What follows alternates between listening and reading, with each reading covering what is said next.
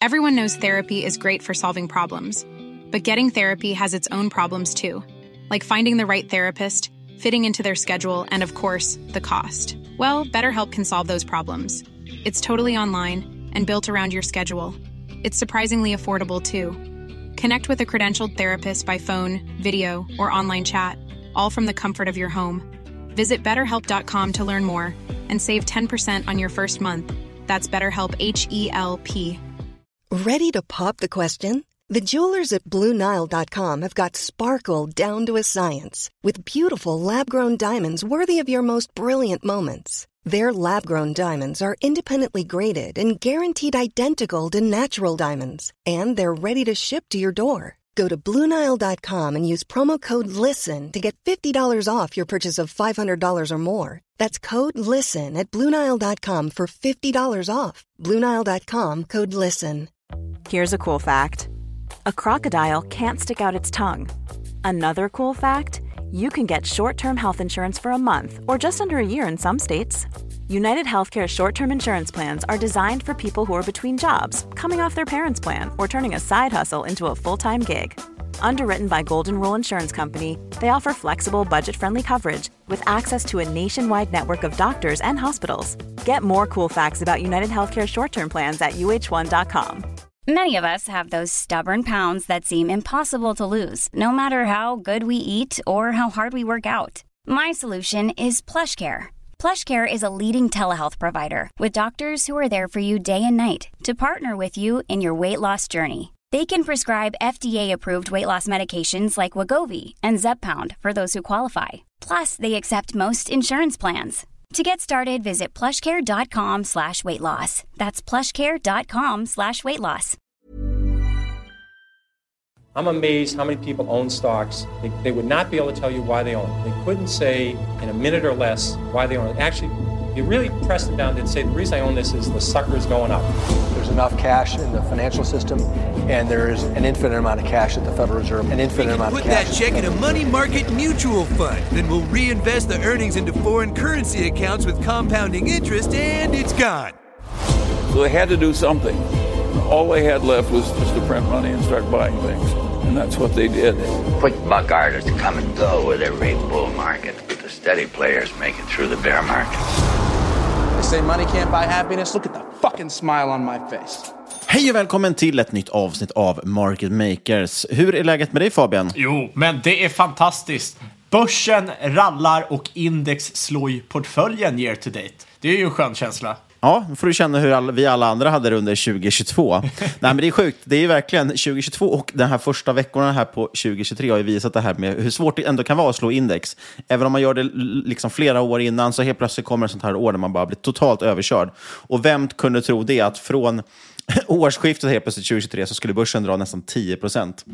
Ganska galet. Eller, eller, eller en sommaren 2022 verkligen. För att det bottnade ändå någonstans i slutet på Q3, början på Q4 där 2022. Och det har ju varit lite rally sedan dess. Mm. Men det var inte direkt så att man skulle kunna tro det i, i framförallt när Putin invaderade Ukraina. Vem hade trott då att vi hade slutat Eh, 2022 och inlett 2023 med det här jätterallyt? Nej, samtidigt som å andra sidan är ju börsen var ju ner väldigt mycket under 2022.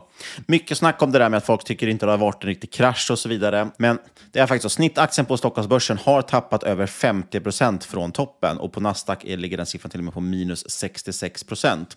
Eh, och då pratar vi då innan det här rallyt då förstås. Eh, eller ja, jag tror att det här var fram till årsskiftet typ 2022. Så det är, är fortfarande någon form av krasch. Många aktier har halverats. Och sen är det visst några har stått emot och framförallt på vårt lilla index i Sverige där vi har väldigt mycket bank och, och verkstad eh, har ju klarat sig ovanligt bra också. Men eh, jag tänkte säga, det är inte det vi ska prata om idag, men det är det visst. Vi kommer prata lite grann om det här med index och det här rallyt under eh, vår topp tre här i början.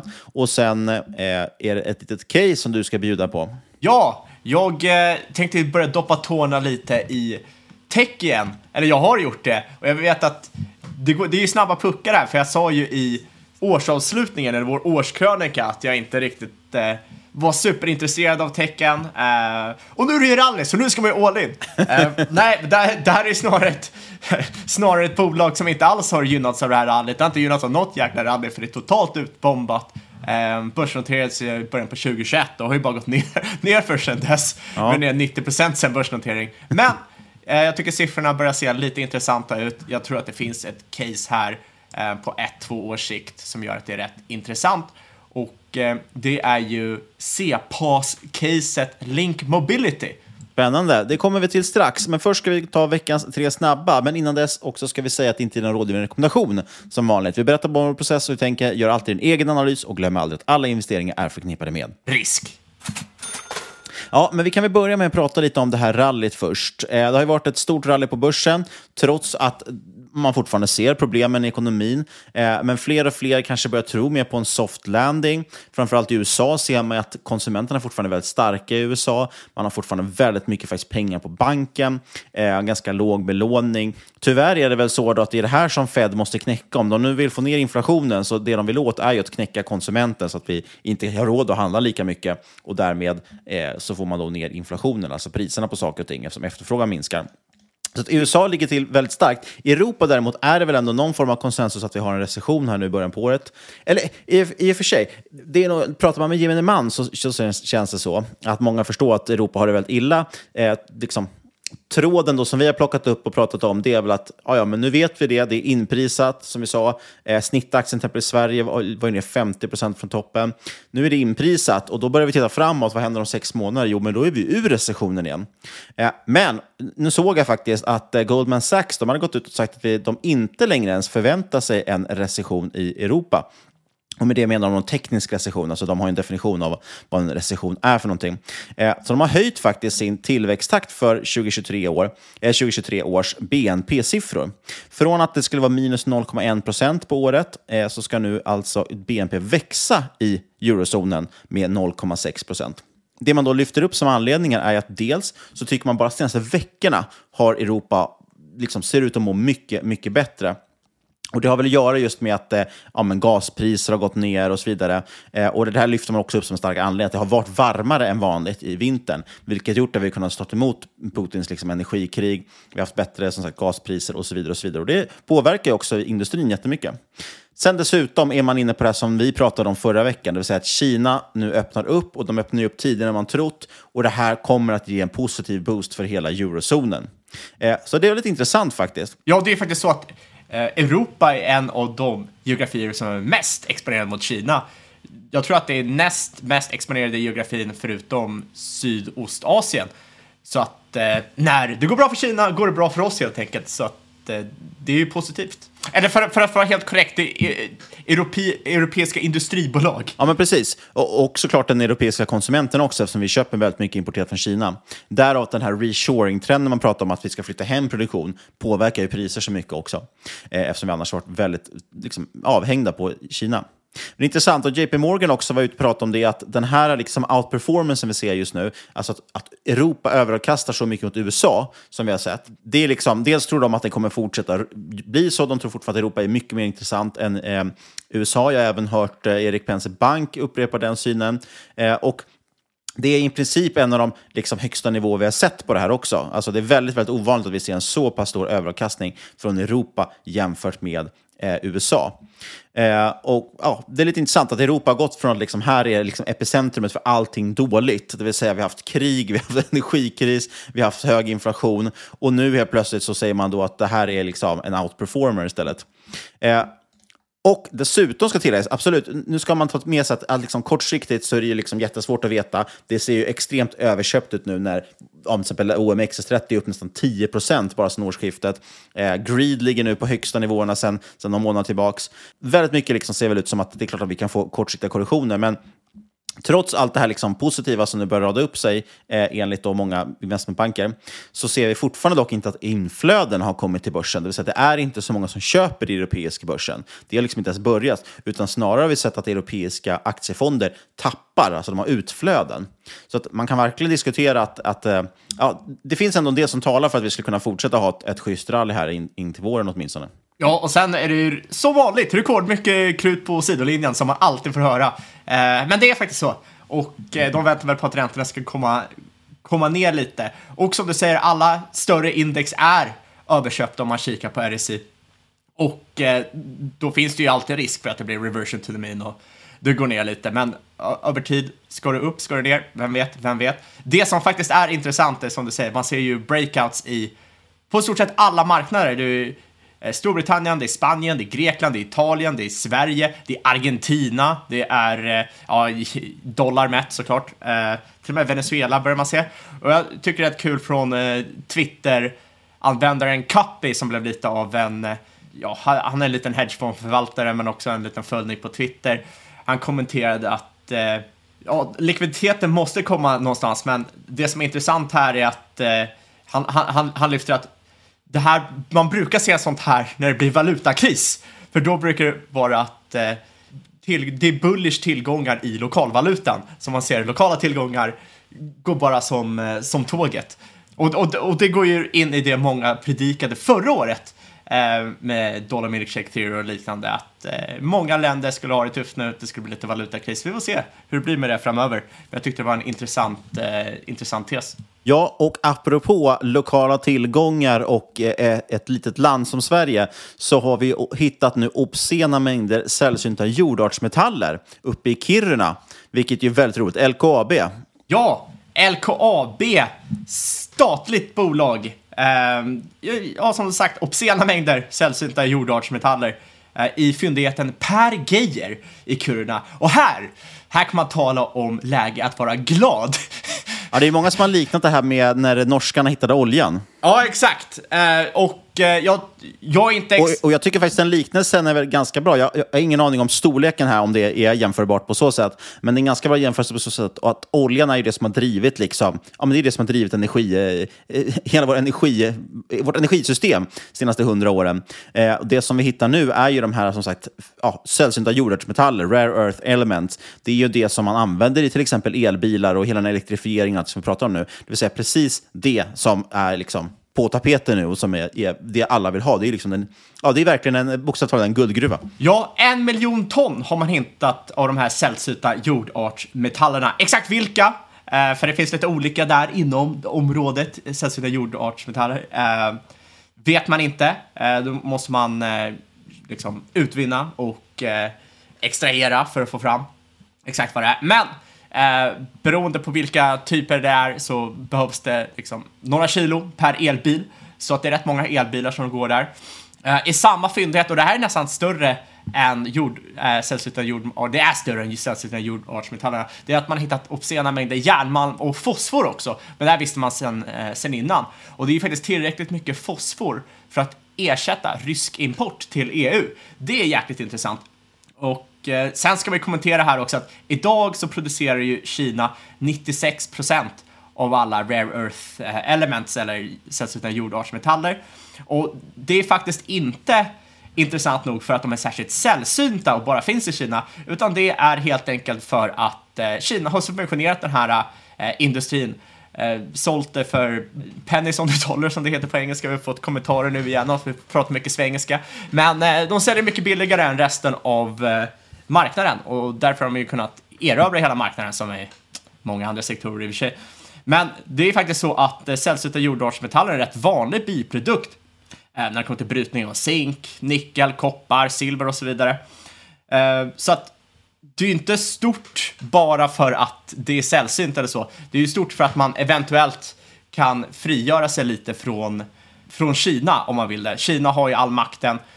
Det som är skönt här är att även om de skulle stänga av så är det rätt många länder som har spare capacity eh, och kan på under ett år bli up and running för den RRE eh, som man behöver om, om jag förstår det rätt. Nackdelen här med den här uh, fyndigheten man har hittat, det är att det är i Sverige. Och det innebär ju jäkligt mycket byråkrati.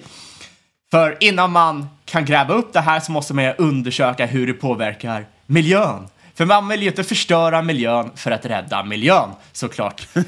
Och eh, så här, man, man ska också ta hänsyn, om jag förstår det här rätt också, så i slutändan, även om det, om man har hittat fyndighet på eh, 100 miljoner ton eh, sällsynta jordartsmetaller, så i slutändan, när man får ut råmaterialet, så brukar man bara få ut någon enstaka procent av det här, om jag inte missförstår mig. Eh, om, om, om jag inte är rätt där så får någon lyssnare eh, kommentera. Ja, någon geolog får väl skriva in och, och förklara hur det ligger till. Exakt, så att eh, vä vä vä vä väldigt häftigt, väldigt kul. Eh, Sverige har ju otroligt många ja, och, och, otroligt mycket råvaror vi skulle kunna, som, vi livnär oss på, men som vi skulle kunna bli ännu större med om vi inte hade all den här byråkratiken i, eller byråkratin i landet. Eh, vi får se hur många år det tar det här. Jag har hört eh, siffror på 10-15 år innan de här jordartsmetallerna kan komma till marknaden. Och eh, det, det är lite tid om man säger så, speciellt om man vill ha den gröna omställningen till 2050. Ja, men precis. Och eh, så kontentan är att det här är fantastiskt roligt, ett otroligt fynd, men man ska väl också eh, som sagt alltid skruva ner förväntningarna lite. Det blir ofta så att folk eh, spelar upp det lite grann. Men kul, och eh, det här är ju en, liksom en, lång, en lång tradition vi har i Sverige. Sverige är ju faktiskt ett av de länderna, de tre de, de tre länderna som upptäckt flest också element eh, i periodiska systemet. Så vi har ju liksom en historik med extremt mycket eh, sällsynta jordartsmetaller och allt möjligt eh, nere i jorden. Och det är någonstans det vi har byggt väldigt mycket av vår industri på också, gjort att Sverige är en sån rik och framgångsrik nation idag. Att vi har haft de här fantastiska gruvfynden. Ja, Sverige var ju en av dem som var först ute med att pumpa olja. Jag menar, eh, det var ju Nobelbröderna, inte Alfred Nobel, han var ju en tönt på den tiden. Men han är väl den enda kända nu för tiden. Det var ju hans bröder som drog iväg till... Vil vilket citat! Fabian Franzén. Alfred Nobel var en tönt. Det var ju hans bröder som drog iväg öster och började pumpa en jäkla massa ol olja och härja som blev eh, eh, snorrikare på slutet, slutet på 80-tal, eh, 1800-talet. Men du, slutligen, eh, apropå jordartsmetaller använder man som sagt i elbilar och elbilar för att stå in på Tesla. Eh, de stora nyheterna om Tesla. Dels Teslas aktie har ju varit nedpressat rejält, det har vi pratat om i podden. Men nu är också priset på bilarna nedpressat rejält. Det var intressant att Tesla hade ju senaste stora leveransdatumet här vid, eh, jag tror att det var typ sista december, när kvartalet tog slut. Eh, sen är det då 14 dagars liksom, öppet köp, så att säga. Man hade 14 dagar på sig att lämna tillbaka nycklarna och, och lämna tillbaka bilen. Och efter de 14 dagarna var klart, så man kunde inte lämna tillbaka sin bil längre, då gick man ut och sänkte priserna nästan 30 procent. Eh, eller så här, 30 procent med det här nya då elbilsavdraget man får i Kalifornien. Eh, men totalt var det på de här modellerna såld, sänkte man ju priset med 100 till 150 000 per bil. Eh, vilket har gjort då att Dels har vi ju sett totalt kaos på andrahandsmarknaden. Helt plötsligt var andra, liksom begagnade Tesla-bilar dyrare än de nya eftersom de begagnade inte hade sänkt sina priser än. Eh, och jag har sett nu extrema, liksom, man har sett mycket bilder och så, skärmdumpar från eh, begagnat-sidor som, som har panik nu i princip, och auktioner som går bananas för att ingen vet vad bilarna ska kosta nu riktigt längre. Efter den här, bara över en natt sänker man priserna så mycket. Men det har också gjort att de, de bilarna nu helt enkelt är väldigt, väldigt mycket billigare än konkurrensen. Det har ju annars funnits så att de har ju blivit omsprungna av väldigt många andra märken som Volkswagen och så vidare eh, med sina ID3 och ID4. Men nu är plötsligt är Tesla i princip den billigaste bilen igen. Eh, det är väl fortfarande, det finns ju några billigare men som är då betydligt sämre också. Eh, men Tesla är nu väldigt, väldigt attraktivt prissatt och det är intressant att man säger att det här beror på att, att eh, man har stordriftsfördelar. Batterierna blir mycket billigare att producera när man gör så pass mycket batterier.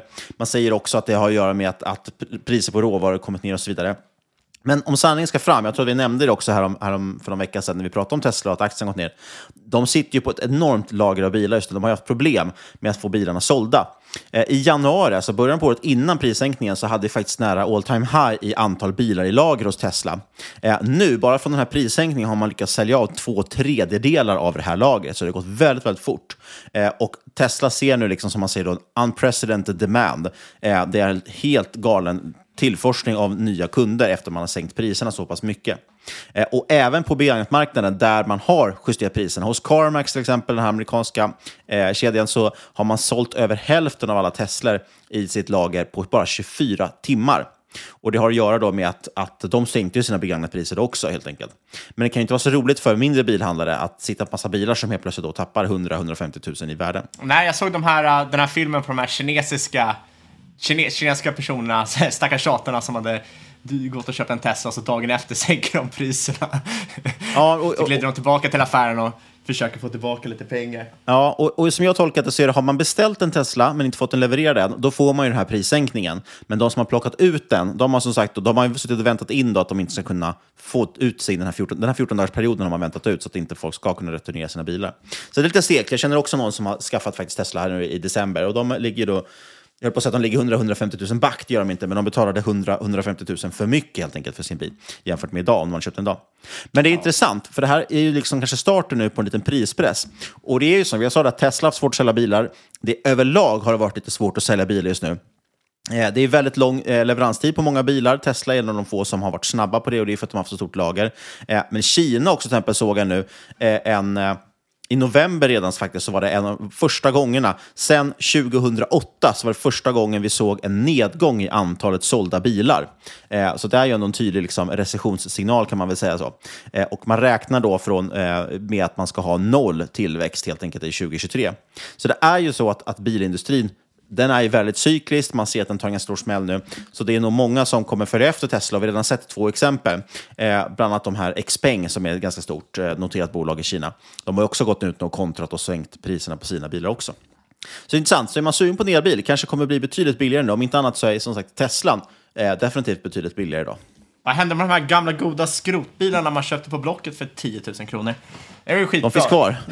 de finns absolut kvar. Men det är inte lika hett att ha en sån. Men du, vi tar och hoppar in på, apropå skrot, vi tar och hoppar in på ditt case den här veckan. Ja, det är riktigt skräp. Nej, jag skojar. Ja, som du sa, Shitcode Deluxe idag i form av bolaget Link Mobility. Och eh, Link Mobility, som sagt, det är ju ett C-PAS-bolag likt Sinch. Eh, Communication Platform as a Service. Eh, det är coolt litet eh, akronym där. Vi pratar ju mycket om de här typen av bolag 2020. Superhett då, inte så hett efter det. Men eh, Ja, just, just nu dock är ju Sinch Nu- superhett. nu är Sinch- Jag tror den är upp, nu är jag tror den är upp hett. 60 procent sen botten eller någonting sånt. 30 procent bara sen årsskiftet. Ja, till och med faktiskt, förlåt, 150 procent sen tre månader tillbaka är jag nu på Sinch. ja, eh, jag, jag tänkte det. Se- 60 Men andra sidan är den fortfarande halverad på ett år. Är det, är, det, är det bara så lite? Jag hade för mig att den var upp 200 eller någonting.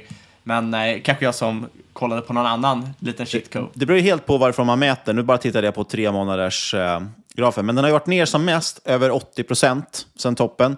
Eh, nu är den ju eh, fortfarande ner på ett år, är den ner halverad. Men eh, som sagt, kraftigt har, det har stigit kraftigt eh, senaste Ja, jag, jag, jag, jag tänkte från september, oktober någon gång där. Eh, för de, den har haft ett extremt rally. Men i alla fall, CPAS. Det är alltså en plattform som tillåter företag att meddela sina kunder via olika kanaler som sms, Facebook, WhatsApp och Messenger. Eh, de flesta som lyssnar vet säkert om det här redan. Eh, Link Mobility har 50 000 kunder i 19 länder enligt sin senaste kvartalsrapport.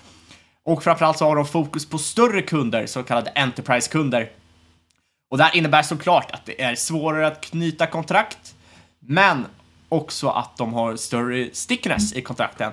Och det ser man på till exempel deras churn-siffror. Link Mobility har 1% churn och 113% net retention rate. Och det är ju hur mycket man kan upsella sina nuvarande kunder på. Eh, jag tänkte att vi hoppar direkt in i eh, Q3, för det som är intressant här, det är lite siffror som sticker ut, eh, som eventuellt kan göra det här till ett intressant case. Det är lite, lite, lite av ett siffercase på en tvåårssikt som sagt, snarare än eh, kvalitetsbolag det vill stoppa ner i byrålådan och hålla resten av livet. Eller vad vet jag, det kanske blir en sjuk turnaround och blir det. Eh, jag, jag tror mer på sifferteorin. I Q3 2022 så växte man sin omsättning med 18 procent till strax över en miljard eh, NOK för kvartalet. Och stora delar av det här, eller större delen av det här drevs bland annat av en temporär volym av OTP, så här one-time passcodes. Ja, ni vet när ni ska logga in någonstans och så måste ni knappa in ert telefonnummer så får ni ett sms. Ja, här är er kod och så ska du lägga in det på hemsidan. Det drev en väldigt stor del av volymen för eh, intäkter eh, i Q3. Det var från en ny hyperscaler-kund, alltså en stor kund som växer väldigt, väldigt snabbt. Och det här kommer såklart med lägre marginaler, men det man hintar på är att man framöver kan eh, upsella sådana här kunder och implementera högre marginalsprodukter. Eh, 29% av tillväxten det här kvartalet kom från USA, vilket är trevligt för USA-verksamheten snittar 90% eh, i eh, bruttomarginal och USA-verksamheten trendar uppåt. Och för helåret då, då så guidar man 8 till 12% omsättningstillväxt. Så det är ingen så här supertillväxtsaga här. Men jag ska påpeka här att det här är lägre än de cirka 20% i snitt man har haft de senaste 3-4 åren. Och det här är bland annat på grund av lägre momentum i Nord och Västeuropa. Och det här förväntar man sig ska accelerera igen under eh, 2023. Och långsiktigt så siktar man faktiskt på 20% tillväxt och att nå 10 miljoner norska kronor i omsättning under eh, 2025. Och det här såklart genom en blandning av organisk och eh, icke-organisk tillväxt. Som referens är omsättningen på rullade 12 5 miljarder norska kronor. Och jag är väl personligen lite skeptisk till omsättningsmålet. Jag tror inte marknaden tror så mycket på det heller. Eh, men det är kul att ha det i bakfickan. Under kvartalet så knöt man 420 kontrakt. Det var blandning av nya och utökade gamla kontrakt. Och målet är, som många andra bolag, att upsella de här med kostnadsbesparande och högre marginalsprodukter över tid. Eh, och framförallt så är det ju sådana tjänster som kanske är lite svårare att churna och bli mer integrerade hos kunden. Sådana här one-to-p-lösningar, det kanske är eh, inte direkt det mest unika att göra, men fler produkter eh, som man lägger på sin plattform som kunden tar del av, desto svårare är det ju för kunden att sticka vidare. Speciellt när det är en stor och trögrörlig firma. Då vill man gärna inte hålla på och byta ut system. Eh, bland annat då, då eh, nämnde USA där, var en stor tillväxtsektor med hög bruttomarginal. Det är att man signade två stycken treårskontrakt med eh, Eh, två stycken amerikanska utilities i början på januari. Cirka 7,5 miljoner dollar totalt, eller 2,5 miljoner per år. Och det är licens, volymer och implementering. Men på toppen av det kommer även extra intäkter från eventuella kritiska event. Så det rullar ändå på, de får in rätt mycket kontrakt här. Eh, det gör ju att man får ju liksom en liten syn på framtiden. Vad kommer de kunna generera eh, i intäkter 2023 och 2024? Och framförallt är 2023 relativt eh, synligt eftersom de har ju Ja, man, man kan ju se vilka kontrakt som har kommit ut och vad de har. Men du, nämnde du några kunder de har? Nej, men det är fan inte viktigt. ja, men jag kan ändå bara lite så här, för det känns ju som att det är ett eh, ganska litet bolag. Eh, kan man ju tänka sig, men de har ju väldigt stora kunder. DHL, Ikea, ISS, Jysk bland annat några av de lyfter på sin hemsida. Eh, så det, det, är ju definitivt stora, det är ett stort etablerat, eller, stora etablerade kunder och ett etablerat bolag. Absolut, det är ett av eh, Europas största C-PAS-bolag. Eh, det är bara att de är... Det behöver ju inte betyda någonting om det bara finns tre stycken. Ah, absolut, absolut. Och de har ju tidigare år glidit runt och köpt upp lite amerikaner och liknande för att liksom växa inorganiskt. Um, intressant här att enligt senaste earnings callet så kommer 20% av intäkter från mobilmarknadsföring, 70% från notifikationer och 10% från kundtjänst. Och det här är intressant för man kan ju tänka sig att notifikationer är någorlunda mindre recessionskänsligt än marknadsföring. Så förhoppningsvis så är det en kappad nedsida i omsättningen här. En liten, brast, eller liten invändning där dock. Eh, då får man ju tänka på var, var, notifikationerna kommer ifrån. Jag tänker att typisk notifiering som man får via till exempel sms, det är ju att eh, din tandlä- glöm inte din tandläkartid imorgon. Men det är ju också till exempel alla de här brevutskicken. Alltså det plingar till och säger att du har ett paket att hämta ut. Eh, och de kan ju absolut gå ner. I en recession så kommer ju folk beställa, köpa mindre saker och därmed, därmed få mindre paket. Och, och vi nämnde ju till exempel att DHL är en kund, så det är typ, typ en sån grej. Ikea kör ju också någon sån. De har ju notifikationer typ eh, man kan ju, om en vara är slut i lager kan man ju fylla i sitt telefonnummer och få ett sms eh, när varan är tillbaka i lager. Det är ju typiskt också sådana grejer som, som kanske går ner om man inte har råd. Eller så betyder det att folk kommer sluta handla på, vad vet jag, köpa Marbodalkök och sen köpa Ikea-kök och då kommer de få fler notiser, vad vet jag. Nej, men det är ju sjuk, det är sjuk, sjukt rimligt att tänka så. Alltså, det är, allting är ju egentligen recessionskänsligt. Men jag håller absolut med dig om, om, om att det är mindre recessionskänsligt än marknadsföring. Absolut, och speciellt eftersom det här är rätt liksom, stadiga kontrakt från större eh, etablerade aktörer. Som sagt, det, det, är inte över liksom sex månader, vi snackar flera år här. Så man har i alla fall någon typ av känsla eh, för, för vad som kommer in. Och oftast så betalar de ju för, för volymer och liknande eh, specificerat i kontraktet. Eh, bruttointäkter är rätt intressant. Steg faktiskt långsammare än omsättningen under Q3. Upp endast eh, 7 och det här är ju för att man har sett bland annat sjunkande marginaler i Centraleuropa och att man eh, onboardar hyperscaler-kunder med den här liksom, OTP-lösningar. Eh, hög tillväxt som sagt, men låg marginal. Så det är jätte, jätteviktigt att upsella här. Eh, men det är också någonting man satsar extremt hårt på. Eh, långsiktigt satsar man på de här hyperscaler-kontrakten eh, ska komma upp till en bruttomarginal på 50-80 procent. Eh, Eh, framförallt med produkter som är mer sticky. Men i bolaget så bruttomarginalen varierar väldigt, väldigt kraftigt mellan segment. Eh, 26% ligger det i snitt, men det varierar allt från 6% för de här hyperscalers till 90% för eh, så kallade message broadcast. Eh, E extrem variation, men eh, 26 procent, Det låter ju spontant som en väldigt eh, låg bruttomarginal, eller? Ja, eh, ab absolut. Men det, det kostar ju att... Att ligga på topp? det kostar ju att ligga på topp. Nej, i, i och för sig, jag var tvungen att kolla. Och, och Sinch, jag tänkte att faktiskt att Sinch hade typ 80-90% bruttomarginal, men de ligger faktiskt på 30% bruttomarginal. Och, och det har väl säkert att göra med det att det, det finns ju faktiskt, eh, man brukar ju prata om att mjukvara har, generellt har höga marginaler, bruttomarginaler i alla fall, i och med att det liksom inte kostar någonting extra att sälja till exempel ett nytt spel eller en ny mjukvara. Eh, men i det här fallet, om det till exempel handlar om sms, de kostar ju faktiskt någonting att skicka, så det är klart att det... det Exakt. Ja, så, så Sinch ligger runt 30%, så det är inte alls eh, så himla konstigt egentligen. Exakt, och en av deras grejer är att till exempel överföra kunder från så här, traditionella sms till vad det heter, RCS, nya generationen, eh, som går via, som iMessage kör på till exempel. För då drar det ner kostnadsbasen och liknande. Men ja, det, det är helt korrekt. Det är, en, det är en stor kostnad i de här. Alltså, du kommer inte se samma typ av bruttomarginal som vi ser i många pure play eh, SaaS-bolag. Ebitda landade på 137 miljoner norska kronor för kvartalet. Resultatet på 88 miljoner norska kronor. Eh, där tar hänsyn, alltså man räknar in eh, 30 miljoner norska kronor i icke återkommande kostnader i form av aktieoptioner, M&A och restructuring. Så att framtiden så kan det här vara lite högre. Bolaget handlas idag till cirka P17 för estimat på 2022, men man har cirka en miljard nor- norska kronor i kassa och så justerar man för det här så handlas bolaget till P9. Och det är ju även P9 på rullande 12, så jag tolkar det som att Q4 tror man kommer bli lite sämre. Eh, exa exakt, Ti- man tror väl att eh, tillväxten i vinsterna inte kommer vara det som eh, det har varit. Ja, eh, men bolaget handlas också till en 16-procentig eh, FCFF till equity yield. Vill du förklara det för lyssnarna? Så är 60, 16. Ja, exakt.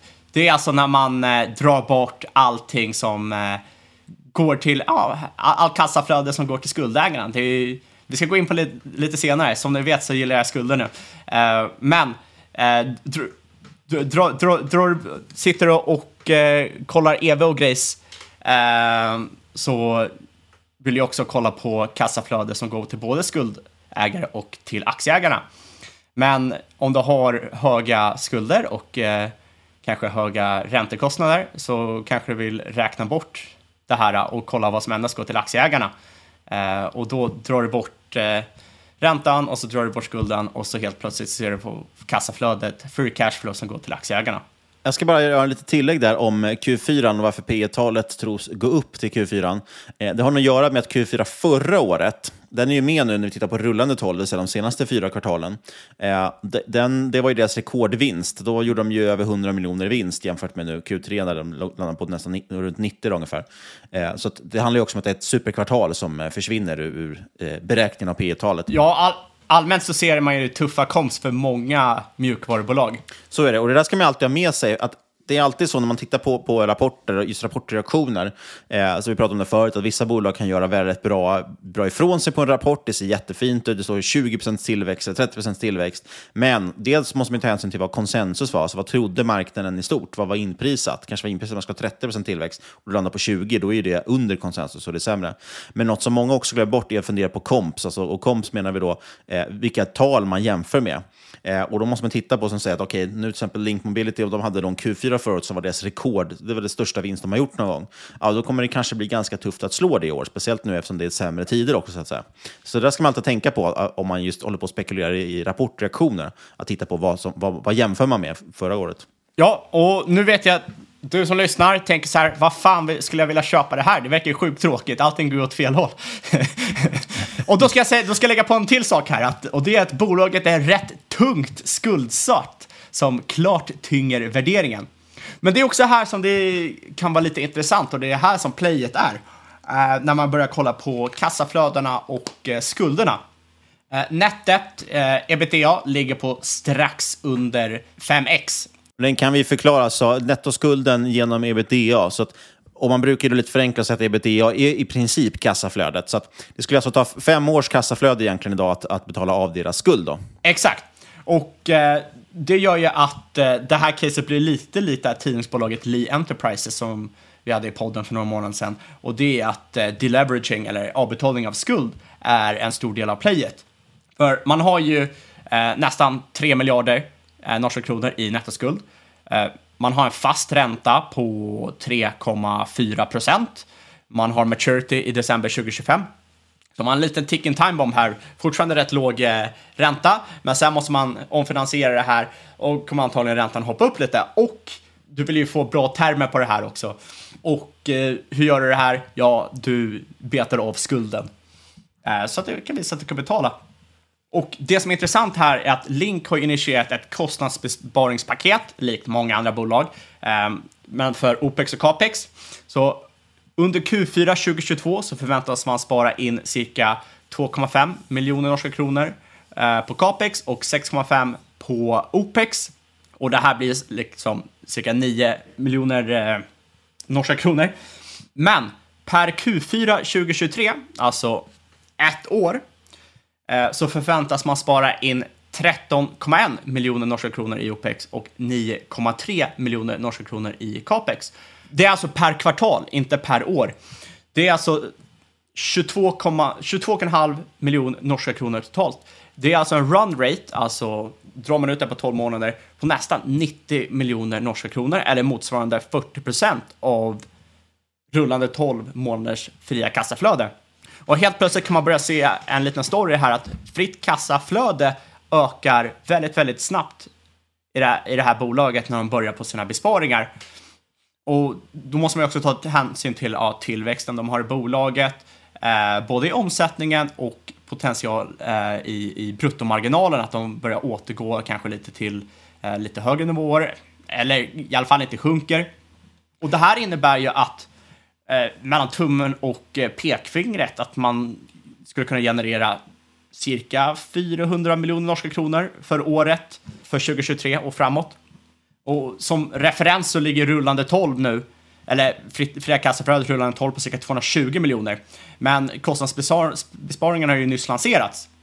Och för 2022 så kanske det landar på 250 till 300 miljoner totalt.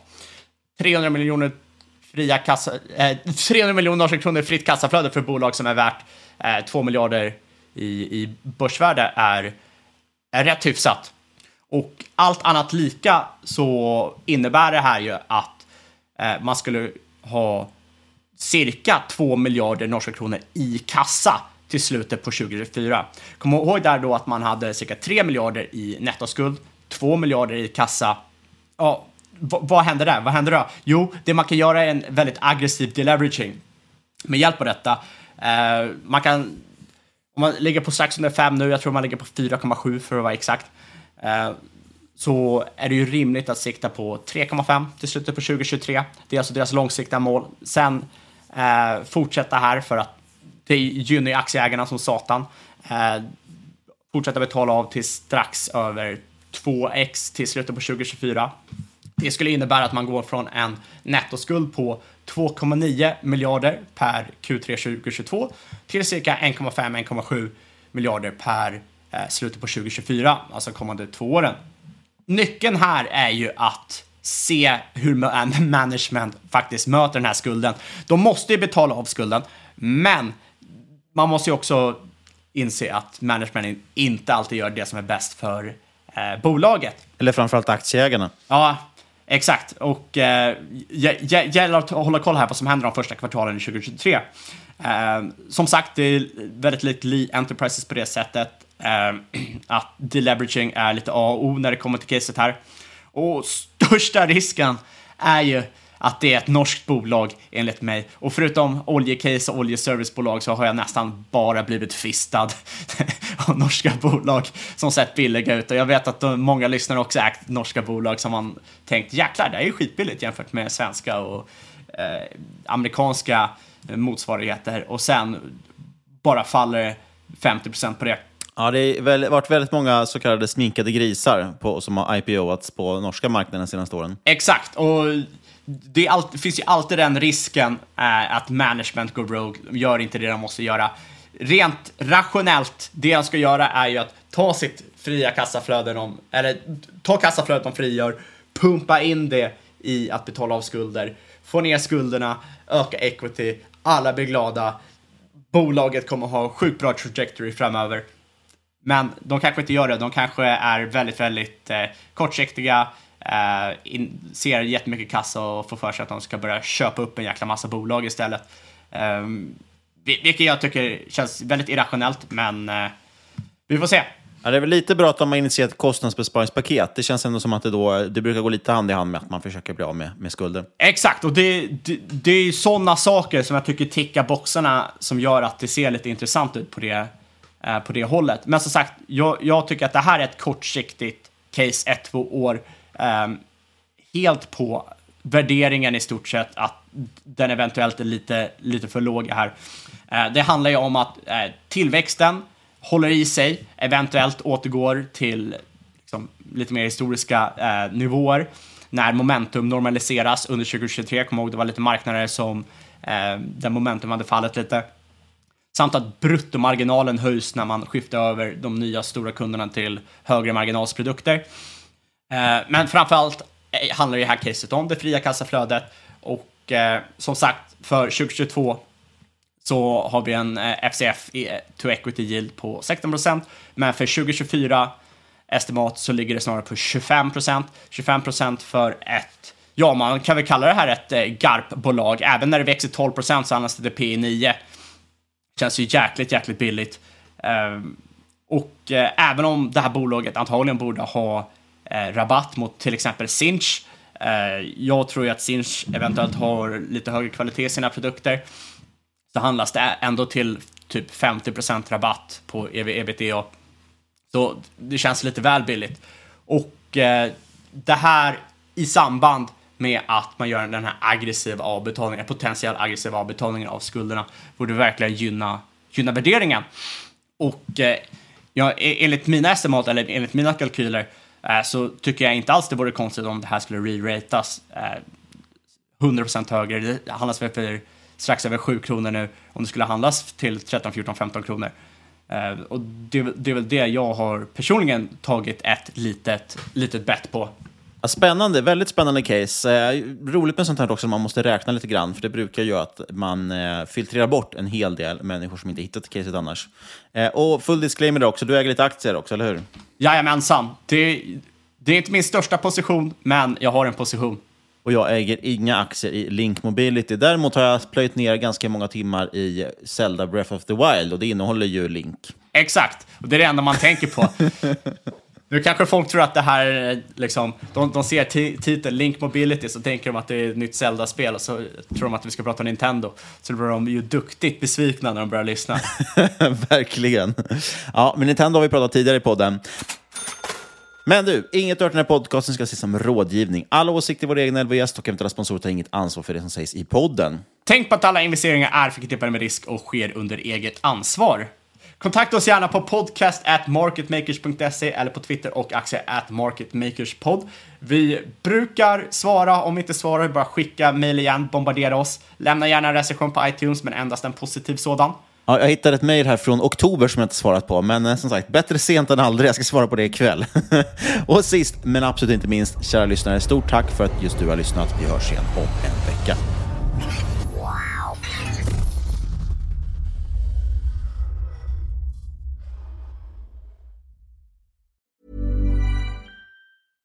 Mom deserves the best, and there's no better place to shop for Mother's Day than Whole Foods Market. They're your destination for unbeatable savings, from premium gifts to show-stopping flowers and irresistible desserts. Start by saving 33% with Prime on all body care and candles. Then get a 15-stem bunch of tulips for just $9.99 each with Prime. Round out Mom's menu with festive rosé, irresistible berry chantilly cake, and more special treats. Come celebrate Mother's Day at Whole Foods Market.